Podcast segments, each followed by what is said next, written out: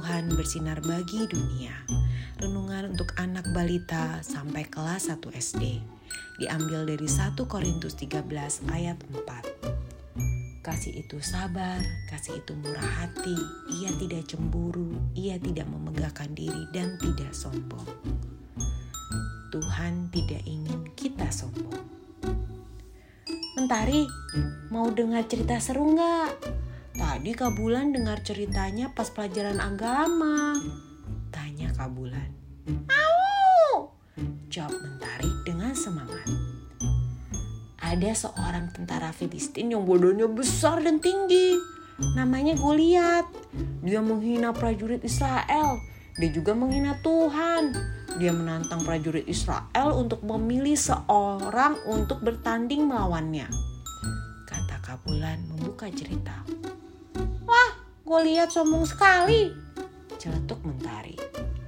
Iya betul. Prajurit Israel tidak ada yang berani melawannya.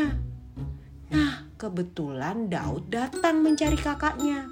Daud berani melawannya, padahal Daud bukan prajurit. Jawab Kak Bulan. Daud meminta pertolongan dari Tuhan. Ia melawan Goliat hanya dengan menggunakan batu dan umban. Akhirnya Daud menang lanjut Kabulan. Hore! Daud menang! Teriak Mentari sambil bertepuk tangan.